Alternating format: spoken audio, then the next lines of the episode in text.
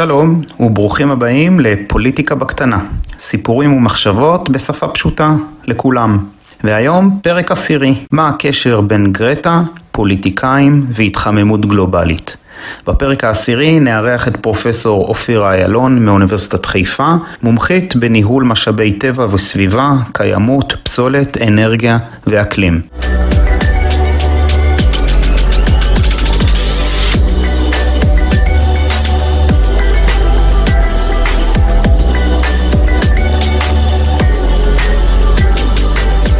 טוב, אז שלום לכולם, נמצאים איתנו היום כאן אה, פרופסור אופירה איילון, איתן, כרמל ושיילי, ואנחנו נשמח לדבר ולשמוע, לשאול קצת שאלות, להסתקרן. איך את אה, מציגה את עצמך? מומחית למה? שאלה מצוינת, כי אני בעצם אה, את התואר השני והשלישי שלי עשיתי במה שנקרא ניהול אשפה. ניהול אשפה? עכשיו, הייתי באה הביתה והילדים שלי היו שואלים אותי מה אימא עושה, ואז אימא בזבל, וזה היה מאוד מאוד מביך. כאילו, התחלתי מהזבל לצמוח לכל התחום של הסביבה. למה זה חשוב להתעסק בזבל? היום אנחנו מדברים על הנושא של קיימות, ואני חושבת שהתופעה הכי הכי חזקה של הקיימות זה הכמויות של הזבל שאנחנו מייצרים. כן, הרבה ילדים ומשפחות שאני מכירה ממחזרים. וואו, אני מבין מצוין על מה את מדברת. אתה זה שמוריד את הזבל? אני יותר על המחזור. יש לנו כאן מאחורי החלון אה, פחי מחזור, ושמו לנו בפינה של החוב פח כתום, ואז הוא התמלא והתפוצץ. אז ביקשנו שני פחים כתומים, וגם הם התמלאו והתפוצצו. מה זה אומר? זה סימן נורא חשוב הדבר הזה, כי, כי אנחנו כציבור מאוד מאוד רוצים את זה. את המחזור הכוונה. נורא נורא חשוב דווקא במקרה של הפחים הכתומים מאוד מאוד להקפיד לפי הרשימה מה כן צריך להיכנס לשם ומה לא צריך להיכנס לשם. אבל איך ממחזירים נכון? ראיתי שיש על הפח הכתום מדבקה עם ציורים. למשל, אסור שזכוכית תיכנס לשם. לא בגלל שזכוכית זה לא אריזה, אלא משום שכשעושים את התהליך של המיון של הקופסאות ושל הקרטונים ושל כל הדברים האלה, עושים את זה בעצם אנשים שממש עומדים על פס מיון, ואם זה זכוכית, הזכוכית עלולה להישבר והם עלולים להיפצע. ולכן את הזכוכית, אגב, צריך לשים בפח הסגול. מה אפשר לעשות נגיד עם החור באוזון כדי לשפר את המצב? מכל הבעיות הסביבתיות, דווקא החור באוזון זאת בעיה שקצת יותר נפתרה.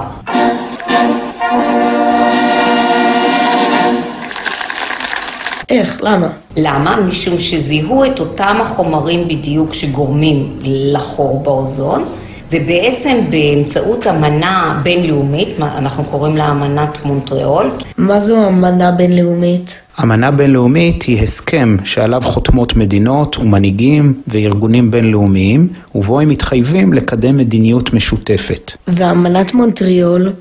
בזכות האמנה הזאת יש צמצום מאוד מאוד משמעותי של אותם חומרים שגורמים לחור באוזון. החור מתחדש כרגע? זהו, החור הזה תמיד יתחדש, כי זה תהליך טבעי. בעצם נוצר אוזון באזור קו המשווה, והוא מועבר לכתבים. כי הבעיה של החור באוזון היא בעצם בעיקר, בעיקר מעל הקוטב הדרומי. כתוצאה מזה שיש למשל תחת אה, אמנת מונטריאול איסור שימוש או הגבלת שימוש של המטיל ברומיד הזה, בעצם המערכת משתקמת. מה שאת אומרת זה נורא נורא מעניין כי זה מחבר אותנו קצת לפוליטיקה. זה מראה שבמקרים שבהם פוליטיקאים או מנהיגים נפגשים ומקבלים הסכמה ומתווים מדיניות ומחוללים שינוי, מצליחים לחנך ולשנות את ההתנהגות של התעשיינים, את ההתנהגות של התושבים ובעצם אפשר להיות קצת אופטימיים, אפשר לשנות את המציאות, אפשר לשקם את הכדור.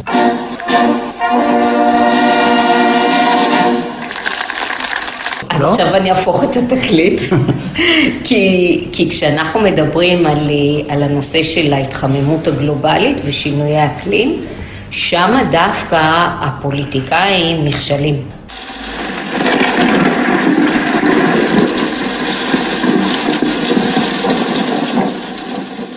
למה בנושא של התחממות כדור הארץ הם לא מצליחים? כי כי יש שם כל כך הרבה עוצמה וכסף של חברות הנפט ושל חברות האנרגיה, והעוצמות האלה הן כל כך חזקות, ששם אנחנו נכשלים. שם אנחנו פשוט לא מצליחים לעצור את ההתחממות הזאת. כבר עכשיו אנחנו במעל מעלה מהטמפרטורה הממוצעת שהייתה על פני כדור הארץ בתחילת המהפכה התעשייתית. מעלה אחת זה הרבה? מה זה מעלה? מעלה זה כלום, הרי אתמול היה יותר קר בשלוש מעלות ממה שהיום, אז כאילו מה זה מעלה? אבל לא, אנחנו מדברים על טמפרטורה ממוצעת, גם של האוקיינוסים וגם של היבשה, ומעלה זה המון. אה, אז הטמפרטורה של כדור הארץ עלתה במעלה אחת, ועכשיו חם יותר. על מה זה משפיע?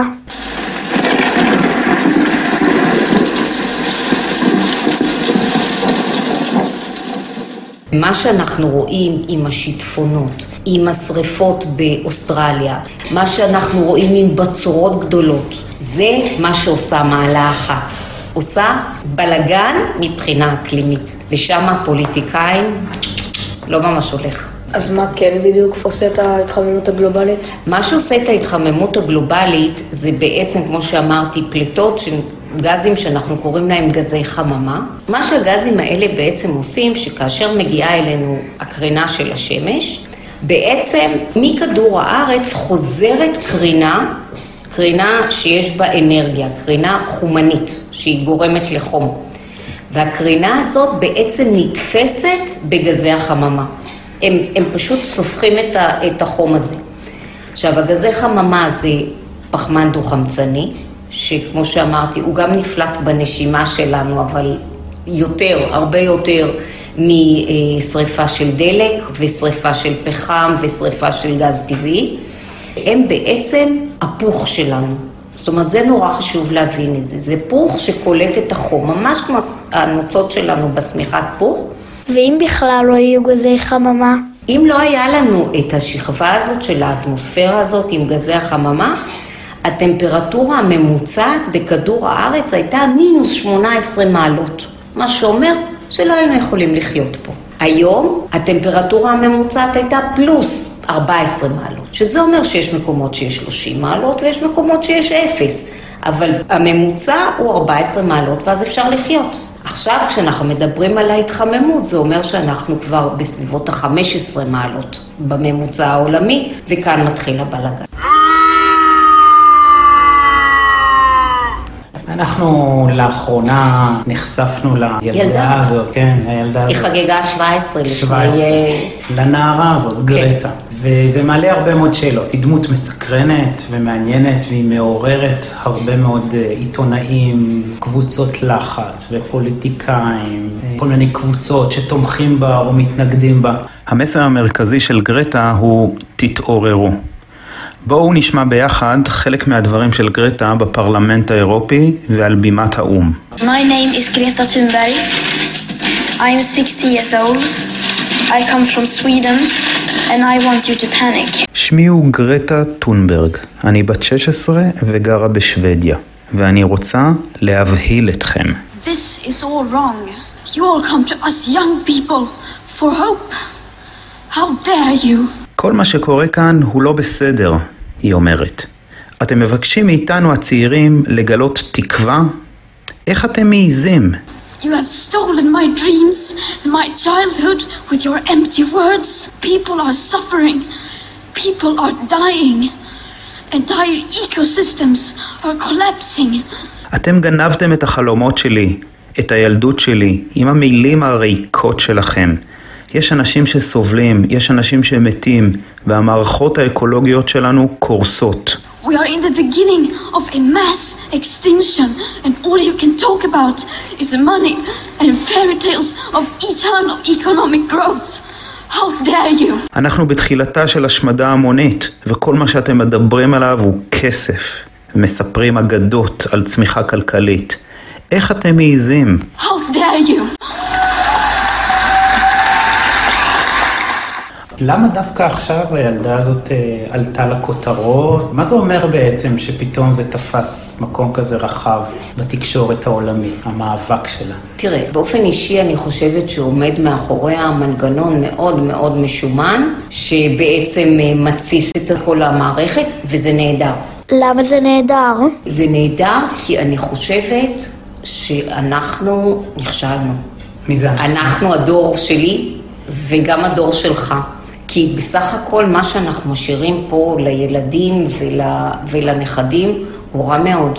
וגרטה מייצגת את הדור הצעיר שלנו. ודווקא הקריאה הזאת מלמטה של הנוער, ההאשמות המאוד מאוד ברורות של גרטה שולחת אצבע מאשימה כלפינו, זה לא כלפינו, זה בעצם כלפי הפוליטיקאים שלנו, לגבי, כלפי מקבלי ההחלטות שלנו, שבעצם מתכופפים ועושים מה שהחברות הגדולות וחברות האנרגיה רוצות שהם יעשו, ובעצם האצבע המאשימה הזאת שלה היא בהחלט בזמן שאולי יעשה משהו, ואנחנו רואים שבעצם יש תנועת אקלים היום של נוער, שבכל מקום בעולם, בכל יום שישי, ילדים ונוער לא הולכים לבית ספר, אלא יוצאים להפגנות. ומעוררים עניין ומעוררים, נקרא לזה באז תקשורתי. רק אתמול מייקרוסופט הודיעה כל מרכזי המידע שלה, כל מרכזי הדאטה שלה, כל המחשבים שלה, צורכים המון אנרגיה. ואמרנו שאנרגיה גורמת לפליטה של גזי חממה. ופתאום היא יצאה עם איזושהי הצהרה שהיא אומרת, אני רוצה עד שנת 2050 להיות מאוזנת ואפילו שלילית מבחינת כמות הפחמן שאני אה, מוסיפה לאטמוספירה. אם היא פתאום מתעוררת ואומרת, אני רוצה לעשות משהו ולשנות קצת את העולם, אז אולי זה גם גרטה שגרמה להם להיות אחרים. למה החלטת לעסוק בתחום הזה? אז אני עוסקת בתחום של איכות הסביבה. בעצם אני מאוד אהבתי תמיד את הסביבה. אני גדלתי בוואדי שיח בחיפה. הייתי הולכת, ואני זוכרת את עצמי בגילך, הולכת ומדברת עם, עם העצים ועם האבנים, ומספרת להם מה עבר עליי במשך היום. ואחרי זה פשוט הכרתי אנשים שחשבו שיש לי יכולת לחקור את הנושאים האלה. האנשים האלה זה בעצם אלה שהנחו אותי גם בתואר השני וגם בתואר השלישי. ואז הבנתי שאולי אני יכולה לעשות משהו בשביל הכדור הזה, בשביל, בשביל הילדים שלי, בשבילכם, ועכשיו בשביל הנכדה שלי.